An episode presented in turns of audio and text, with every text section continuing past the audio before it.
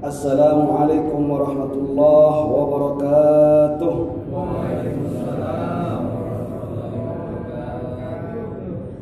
الحمد لله وكفى والصلاة والسلام على خير عباده المصطفى وعلى آله وصحبه الشرفاء ومن تبعهم ونصرهم بإحسان إلى يوم الدين أهل الصدق والوفاء أما بعد. رب اشرح لي صدري ويسر لي أمري. واحلل عقدة من لساني يفقهوا قولي Hadirin yang kami hormati, yang kami muliakan Para kesepuhan, tokoh masyarakat, pengurus DKM Masjid Darul Huda yang dimuliakan oleh Allah Subhanahu wa taala serta seluruh jamaah, Bapak, Ibu-ibu, pemuda Hafizakumullah Alhamdulillah Allah Subhanahu wa taala dengan kasih sayang dan rahmatnya mempertemukan kembali kita semua di salah satu rumah Allah Masjid Darul Huda yang mulia ini. Semoga Allah Subhanahu wa taala mencatat setiap langkah kaki kita dan mencatat setiap ayunan tangan kita sebagai tambahan pahala kebaikan di akhirat kelak. Amin ya rabbal alamin. Alhamdulillah pada pertemuan yang sebelumnya kita sudah membahas dan menceritakan tentang hijrah para sahabat Nabi ke negeri Habasyah yang kita kenal sekarang dengan Ethiopia dan juga kita sudah bahas hikmah dan pelajarannya satu persatu hingga selesai. Sekarang kita masuk ke dalam tema baru yaitu tema Amul Husni yang artinya adalah tahun kesedihan. Apa itu tahun kesedihan? Di sini melalui pemaparan nanti kita akan paham mengapa tahun ini disebut dengan tahun kesedihan. Pada tahun ke-10 daripada kenabian Nabi kita Muhammad sallallahu alaihi wasallam. Setelah peristiwa pemboikotan selama tiga tahun namanya mungkin di situ ada efeknya. Mengakibatkan karena tiga tahun selama tiga tahun hidup di tenda di lembah Syiab Abdul Muttalib yang biasanya hidup di dalam rumah yang berdinding batu beratapkan genteng dan sebagainya kemudian berpindah hidup di tenda selama tiga tahun kurang pasokan logistik dan sebagainya mungkin itu berpengaruh bagi kesehatan banyak orang. Di antaranya adalah istri Nabi kita Muhammad sallallahu alaihi ibunda Khadijah binti Khuwailid radhiyallahu taala anha. Pada tahun ini ibunda kita Khadijah wafat meninggalkan Rasulullah sallallahu alaihi wasallam. Kemudian tidak lama setelah itu disusul oleh wafatnya sang paman. Paman yang paling membela meskipun ia tidak mengikuti ajarannya tetapi dia adalah paman yang paling membela yang selama ini kedudukannya membela dan melindungi Nabi kita Muhammad SAW dari serangan, dari intimidasi musuh-musuh Allah Subhanahu wa taala. Dikatakan oleh Ibnu Sa'ad dalam kitabnya At-Tabaqat jarak antara wafatnya Khadijah radhiyallahu taala anha dan pamannya Abu Talib itu adalah satu bulan lima hari. Jadi baru meninggal istrinya, kemudian disusul oleh pamannya. Dan keduanya adalah orang yang paling dicintai oleh Rasulullah SAW. Istrinya yang selama ini menjadi pelipur lara, yang selama ini menjadi hiburan, yang selama ini menjadi sandaran, dan pamannya yang tidak lain adalah tak ubahnya seperti ayah kandungnya sendiri, yang sejak kecil sudah merawatnya, yang sejak kecil sudah menafkahinya. Jadi Abu Talib itu adalah ayah bagi Rasulullah SAW. Meninggal istri, setelah itu meninggal ayahnya. Maka Menurut sahabat Nabi Jabir bin Abdullah dikatakan fahazina Rasulullah sallallahu alaihi wasallam huznan syadidan. Maka sangat sedih Rasulullah SAW dengan meninggalnya dua orang yang ia cintai tersebut. Khadijah istri tempat bersandar, penyokong yang selama ini menginfakkan seluruh hartanya di jalan Allah Subhanahu wa taala untuk kepentingan dakwah Nabi kita Muhammad sallallahu alaihi wasallam. Begitu juga pamannya sebagaimana tadi yang sudah dijelaskan berkat kedudukan pamannya tersebut Nabi Muhammad sallallahu alaihi wasallam selama ini terbebas daripada sikap-sikap intimidasi daripada kaum musyrikin Quraisy. Baik. Nah, sebelum wafatnya Abu Talib ketika Abu Talib merasakan sakit setelah boykot selama tiga tahun itu Rasulullah Abu Talib paman Rasulullah SAW merasakan kesehatannya menurun secara drastis. Dan orang-orang tahu itu. Akhirnya orang-orang Quraisy musuh-musuh Rasulullah SAW memperhatikan hal tersebut bahwasanya Abu Talib sudah sampai dalam kondisi kritis kesehatannya. Maka mereka berpikir bisa jadi ini kesempatan terakhir bagi mereka untuk melakukan negosiasi. Barangkali Abu Talib di akhir hayatnya ini bisa memberikan kata-kata atau perintah yang bisa menghentikan keponakannya tersebut untuk berdakwah. Karena mereka berpikir bahwasanya kalau nanti setelah pamannya meninggal, kemudian baru mereka berani untuk menghentikan dakwah Muhammad dengan tangan mereka sendiri, itu merupakan aib. Apa kata orang? Waktu pamannya hidup dia nggak berani. Setelah pamannya mati, baru mereka mengeroyok Muhammad SAW. Itu ada pemikiran semacam itu. Maka mereka berusaha untuk menyelamatkan nama baik mereka tersebut dengan cara apa? Barangkali masih mau negosiasi. Barangkali pamannya sebelum meninggalkan dunia ini, sebelum ia mati, bisa menghentikan dakwah Muhammad SAW sehingga tidak terjadi lagi perpecahan di kalangan orang-orang Quraisy. Maka berangkatlah beberapa orang pemuka Quraisy seperti Utbah bin Rabi'ah, Syaibah bin Rabi'ah, Al-Walid bin Mughirah, Sufyan bin Abu Sufyan bin Harb dan Abu Jahal dan yang lain-lainnya. Mereka berangkat.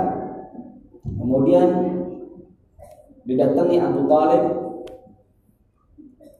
Didatangi Abu Talib mereka mengatakan kepada Abu Talib, "Hai Abu Talib, engkau sekarang sudah tahu apa yang menimpamu saat ini.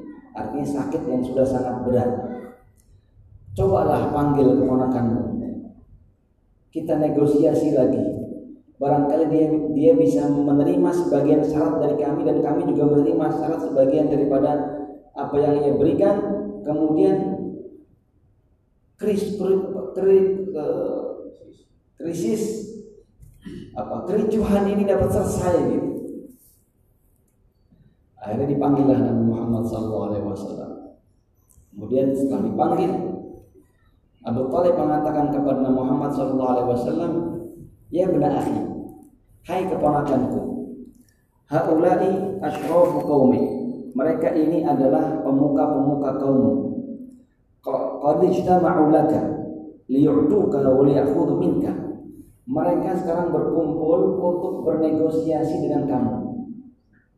Qala Faqala Rasulullah SAW Maka Rasulullah SAW Ketika mendengar kata-kata negosiasi ini, apa sih negosiasi itu? Negosiasi itu kamu memberikan syarat, saya terima dan timbal balik gitu ya. Kesepakatan. Baik kata Nabi Muhammad SAW, Naam, kalimatul wahidah, satu kalimat saja.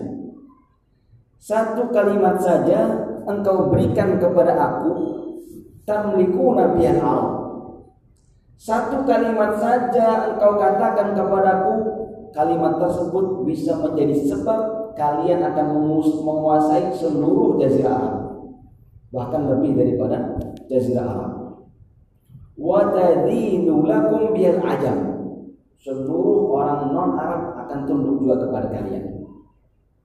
Satu kalimat saja.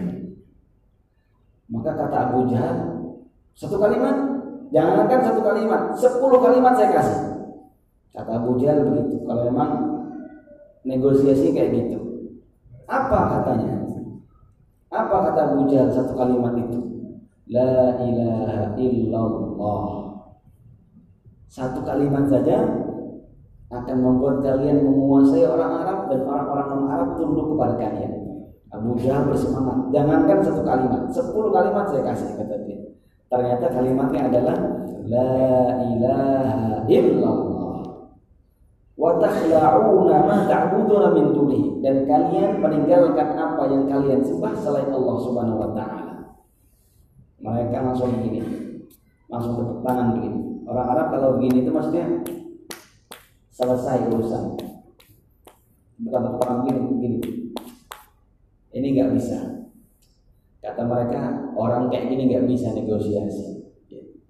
Ada yang bilang lagi, Muhammad engkau engkau ingin menjadikan Tuhan-Tuhan yang kita banyak ini menjadi satu doang. Amruka aji, aneh engkau.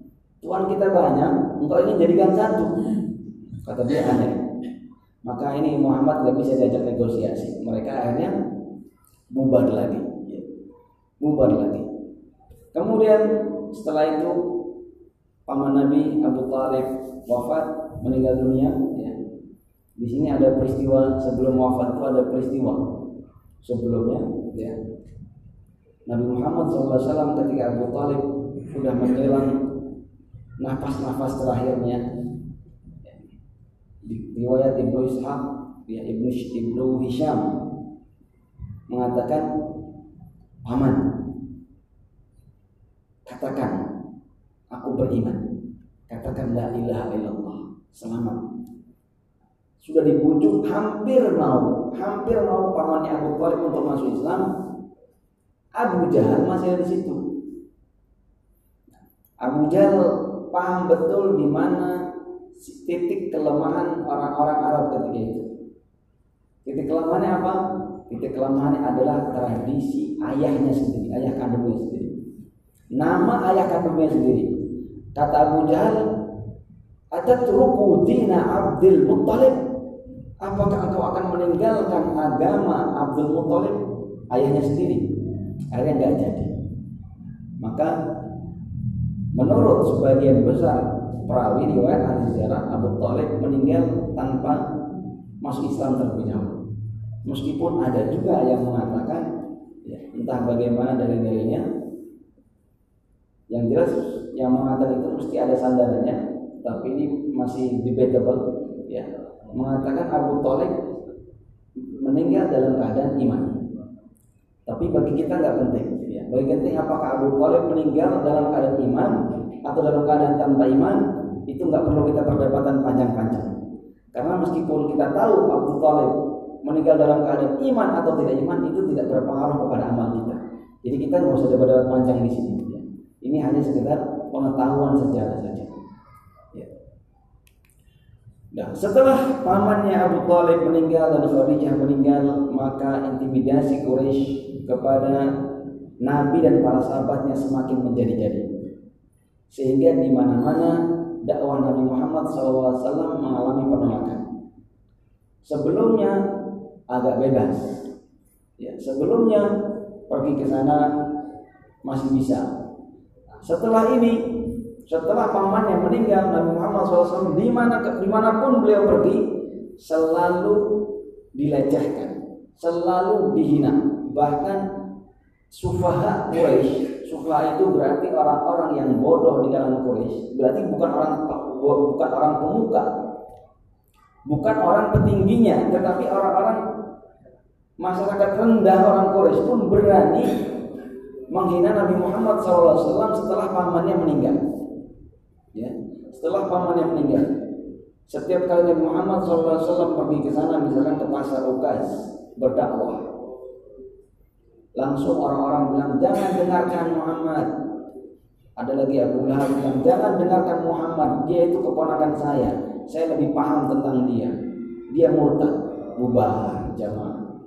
Setiap kali ke mana-mana mendapati penolakan dakwahnya Nabi kita Muhammad SAW. Di sini ada sebuah gambaran daripada pelecehan yang dilakukan oleh sufaha Quraisy oleh orang-orang masyarakat bawah Quraisy terhadap Nabi Muhammad SAW. Mereka ada beberapa orang sengaja mengumpulkan tanah pasir. Dikumpulkan tanah itu ditaruh di atas atap loteng rumah mereka. Rumah orang Arab ketika itu dan sampai sekarang itu bukan genteng seperti kita atau apa namanya atap yang bentuknya gini ya, tapi atap yang pakai dicor gitu ya. Mungkin dulu entah pakai apa batu ya. Jadi orang bisa naik ke atas ke atap. Jadi mereka kumpulkan di situ. Mereka tahu Nabi Muhammad akan lewat situ ketika Nabi Muhammad SAW lewat ditumpahkan semua pasir tanah tadi yang entah bercampur dengan kotoran apa sampai semuanya kotor yang tadi ingin berangkat ke masjid untuk ibadah, untuk sholat atau untuk berdakwah, harus kembali pulang ke rumah. Sampai ke rumah, mengetuk pintu masuk ke dalam rumah ditemui oleh putrinya, oleh salah satu putrinya, Fatimah Az-Zahra. Putrinya menangis melihat ayahnya dihinakan sedemikian rupa, kotor baju pakaiannya dari atas sampai bawah, dibersihkan sambil menangis. Apa kata Rasulullah SAW? Ya bunai la tabki Ya bunayati la tabki. Hai putriku, jangan kau menangis. Fa innallaha mani'un abaka. Sesungguhnya Allah Subhanahu wa taala melindungi akan melindungi ayahmu. Mungkin di antara kita ada berpikir begini, apa beratnya sih dilempari pasir gitu doang atau ditempel tanah gitu doang berat gitu. Kayaknya kurang berat itu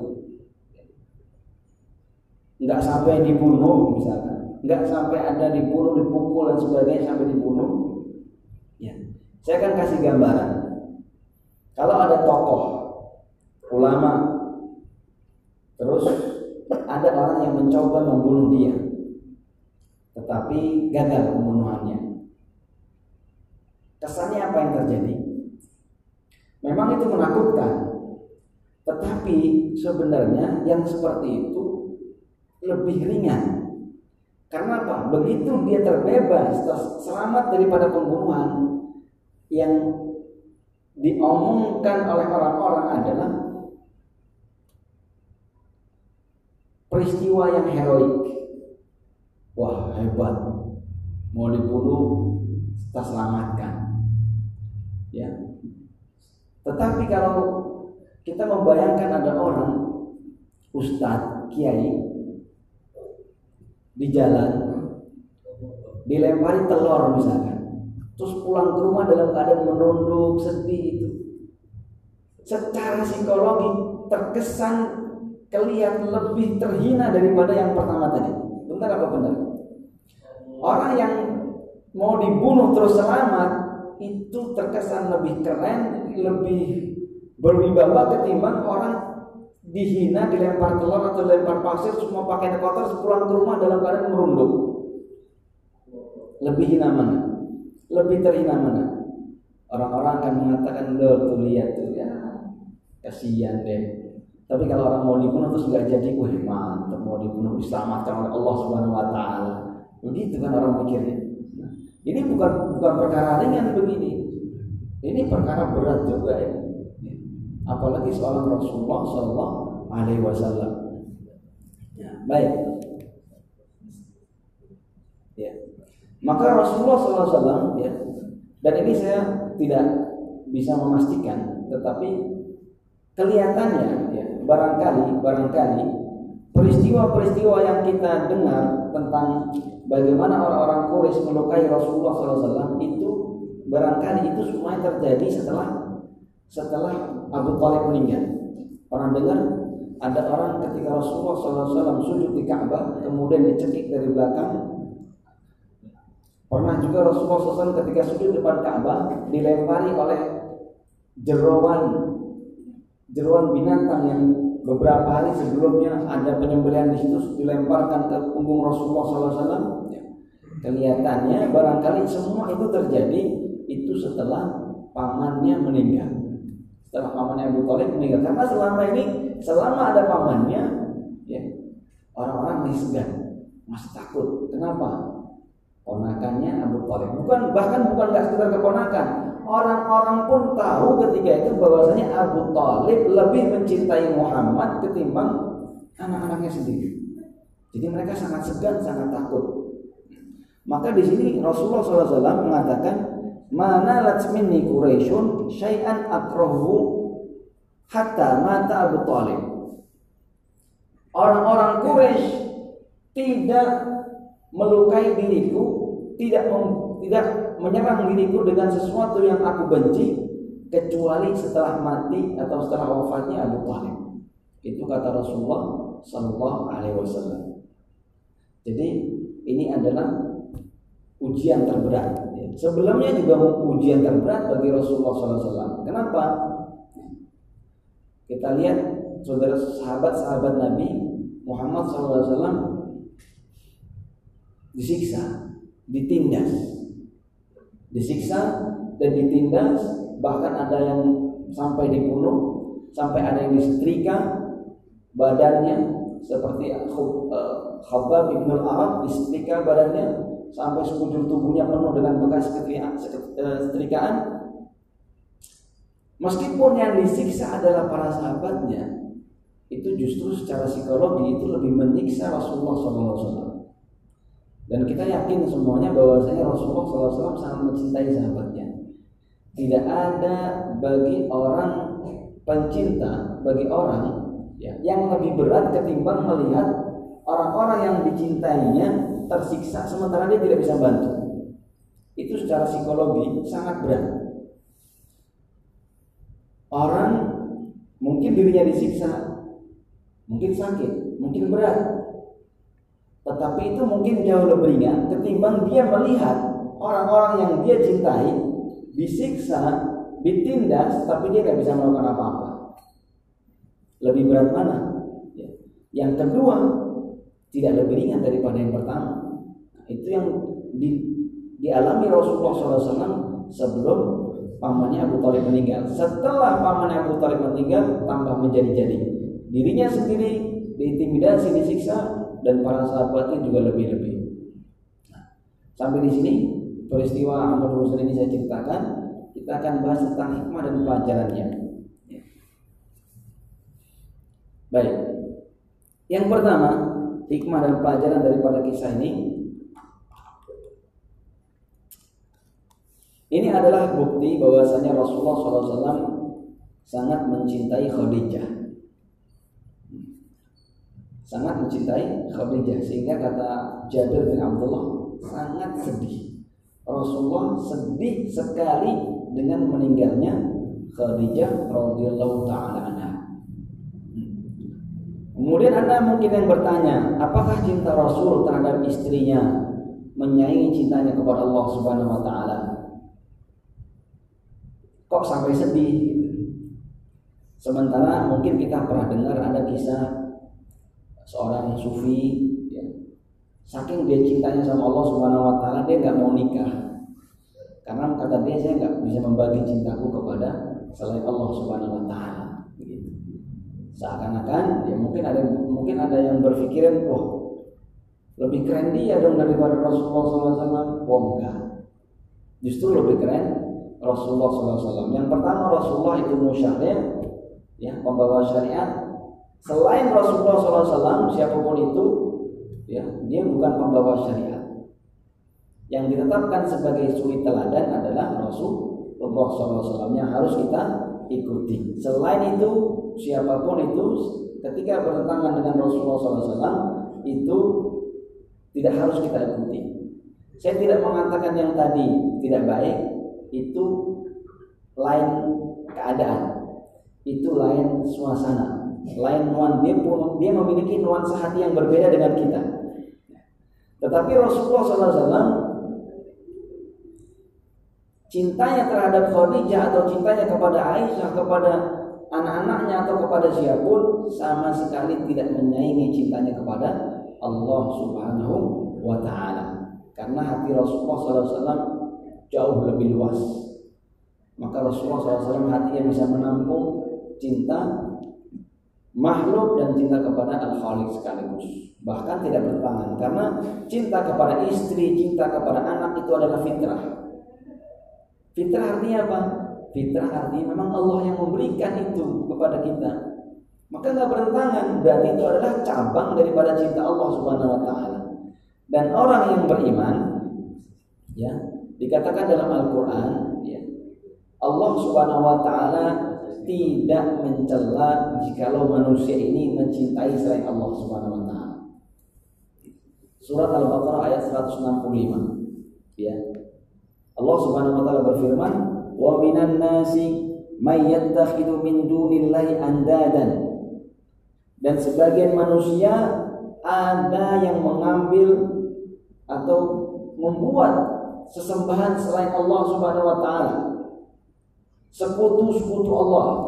Yuhibbunahum kahubbillah mereka mencintai sekutu-sekutunya itu seperti mereka mencintai Allah. Ya. Seperti mereka mencintai Allah. Jadi yang nggak boleh adalah mencintai makhluk cintanya sama besarnya dengan cinta kepada Allah subhanahu wa ta'ala. Itu nggak boleh. Adapun orang-orang yang beriman kata Allah walladzina amanu asyaddu hubban lillah. Orang-orang yang beriman itu cintanya kepada Allah lebih besar. Al-Qur'an tidak mengatakan walladzina amanu la yuhibbuna ghairallah. Al-Quran tidak mengatakan orang-orang yang beriman adalah yang mencintai yang hanya mencintai Allah saja, tidak mencintai yang lainnya. Al-Quran Al-Quran nggak bilang gitu. Al-Quran bilang orang-orang yang beriman lebih mencintai atau cintanya kepada Allah lebih besar. Artinya apa? Boleh mencintai yang lain tetapi cintanya kepada Allah Subhanahu wa taala harus lebih harus lebih besar. Oke. Yang kedua, bolehkah kita bersedih saat terkena musibah, ada yang meninggal, orang tua, anak? Hukumnya apa? Bersedih? Jawabannya adalah boleh. Ya, Rasulullah SAW sendiri bersedih ketika istrinya meninggal, ketika pamannya meninggal, ketika anaknya meninggal, Rasulullah SAW sendiri ber, bersedih. Sedih adalah sifat manusiawi, fitrah. Syaratnya adalah kesedihan tersebut tidak diungkapkan dengan hal-hal yang kontradiksi dengan adab dan syariat Islam. Nah, Rasulullah SAW ketika anaknya Ibrahim Rasulullah pernah punya anak laki-laki namanya Ibrahim. Setelah ini peristiwa setelah beberapa tahun sebelum Rasulullah SAW wafat. Ya, jadi peristiwa sudah uh, di Madinah ketika itu. Ya, jadi sudah di atas 10 tahun hijrah, ya, 10 tahun hijriah. Rasulullah SAW punya anak namanya Ibrahim. Punya namanya Ibrahim laki-laki bukan dari Aisyah, bukan dari Khadijah, tapi dari istri yang lain. Ya. Ketika itu anaknya sakit, anaknya sakit dan sudah uh, kritis. Kemudian Rasulullah SAW datang, datang ke tempat rumah di mana Ibrahim itu disusui. Rasulullah SAW masuk melihat anaknya yang laki-laki Ibrahim itu yang umurnya baru setahun enam bulan baru setahun, setahun setengah lagi lucu-lucunya yang sedang sakit parah kemudian dicium ya dicium berkali-kali kemudian ditaruh di pangkuannya di situlah anaknya menghembuskan nafas terakhirnya.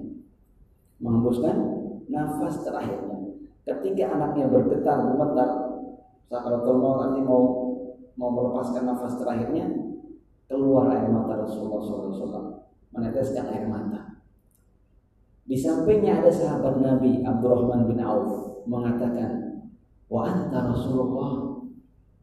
Maksudnya apa? Engkau bersedih mengucurkan air mata karena ada yang meninggal sementara engkau adalah Rasulullah SAW. Apa kata Rasulullah SAW? Ini yang disunahkan ketika kita ada orang yang kita cintai meninggal atau orang yang kita kenal meninggal. Apa yang kita katakan? Innal aina tadma. Innal aina tadma. Sesungguhnya mata ini mengalirkan air mata. Meneteskan air mata. Wal qalba yahzan dan hati ini bersedih. Wala naqulu illa ma yurdi rabbana. Tetapi kita tidak mengatakan hal-hal yang tidak membuat Allah ridho. Tetapi kita tidak mengatakan kecuali perkataan yang membuat Allah ridho. Wa inna bi firaqika ya Ibrahim lamahzunun. Kan nama Ibrahim ya. Dan kami sedih atas perpisahan ini wahai Ibrahim. Dan kami atas perpisahan ini merasa sedih. Itu hadis riwayat Imam Bukhari Kemudian ini menjadi sunnah ketika ada yang meninggal kita mengatakan seperti itu guru kita atau siapa kita kita mengatakan innal aina tadma wal qalba yahzan wala naqulu illa ma yurdi rabbana wa inna ala firaqika atau bi firaqika ya habis ya sebut namanya siapa? Lama hasumun gitu. Artinya apa? Air mata boleh mengalir.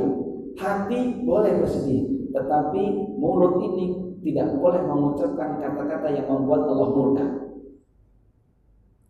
Sikap ini tidak boleh mengeluarkan kata-kata membuat Allah murka, ngamuk, apa banting-banting barang-barang, ada robek-robek baju, ya. Nah, itu yang membuat Allah murka. Artinya itu boleh-boleh saja. Bersedih boleh-boleh saja. Nah, selanjutnya yang tidak kalah penting adalah apa hikmah di balik wafatnya Abu Talib dan Khadijah jauh-jauh sebelum dakwah Islam menjadi kuat. Yang pertama, ini membuktikan bahwasanya perlindungan dan pertolongan itu dari Allah Subhanahu wa taala semata. Seandainya, ini seandainya kita berandai. Seandainya Abu Talib dan Khadijah terus hidup sampai tahun ke 13 Hijriah atau beberapa tahun atau setelah Fatu Makkah setelah kota Makkah ditaklukkan misalkan maka orang-orang akan menganggap akan berpikir atau meyakini bahwasanya Islam ini bisa berjaya bisa dakwah lancar berkembang karena apa? Karena perlindungan daripada Abu Thalib karena sokongan seorang Khadijah. Maka Allah Subhanahu wa taala menakdirkan jauh-jauh sebelum Islam berkembang, ketika Islam justru lagi lemah-lemahnya Abu Thalib diambil. Khadijah diambil.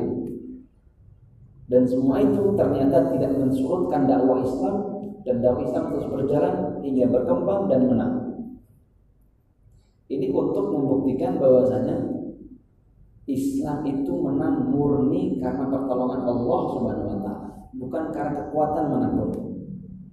Adapun Abu Talib, Khadijah radhiyallahu taala anha dan semua orang-orang yang membela Rasulullah SAW itu hanya alat aja dibuat oleh Allah Subhanahu wa taala.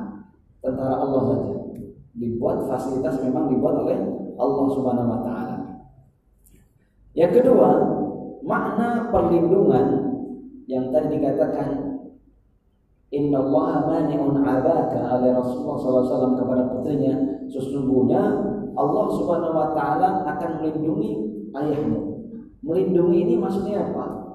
Melindungi ini maksudnya adalah melindungi Menjaga Rasulullah SAW tidak akan pernah terbunuh. Atau bahwasanya dakwah ini tidak akan pernah berhenti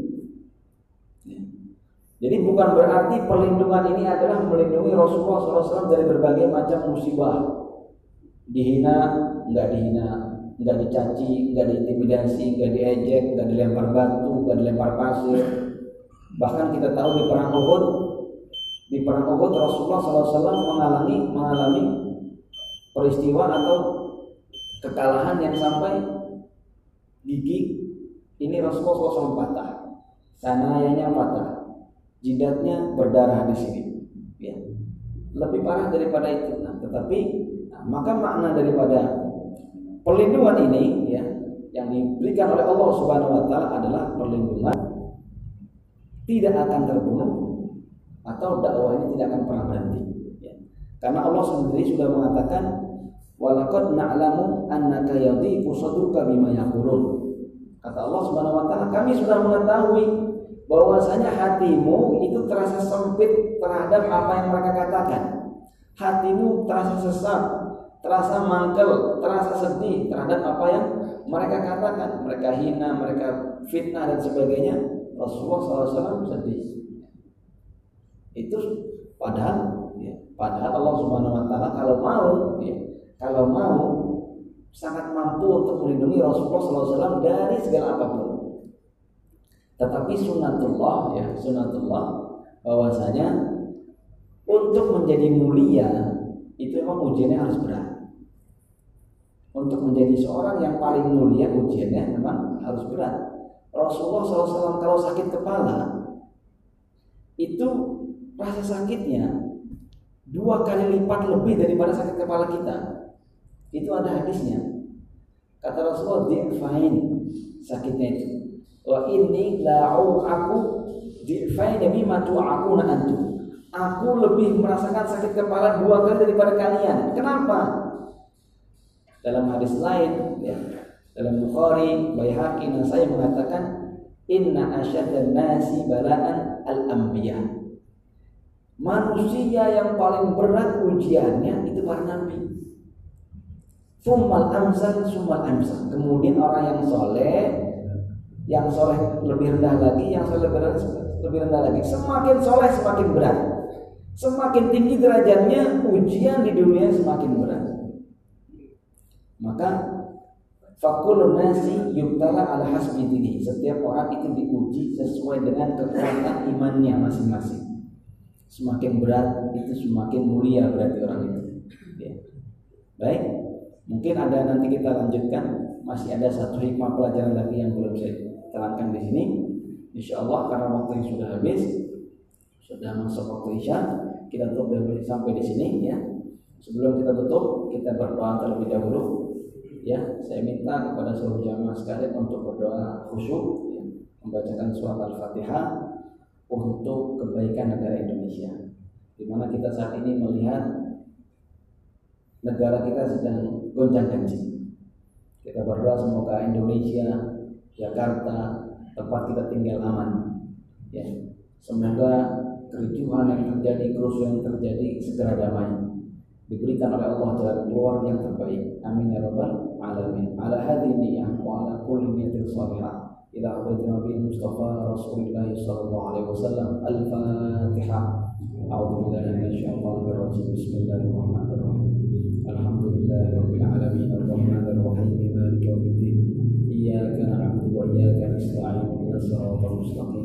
صراط الذين أنعمت عليهم غير المغضوب عليهم ولا الضالين آمين آمين يا رب العالمين kita tutup dengan bersama baca hamdalah dan kafaratul majlis alhamdulillahirabbil alamin subhanakallahumma wa bihamdika asyhadu an la ilaha illa anta astaghfiruka wa atubu ilaik kurang lebihnya maaf assalamualaikum warahmatullahi wabarakatuh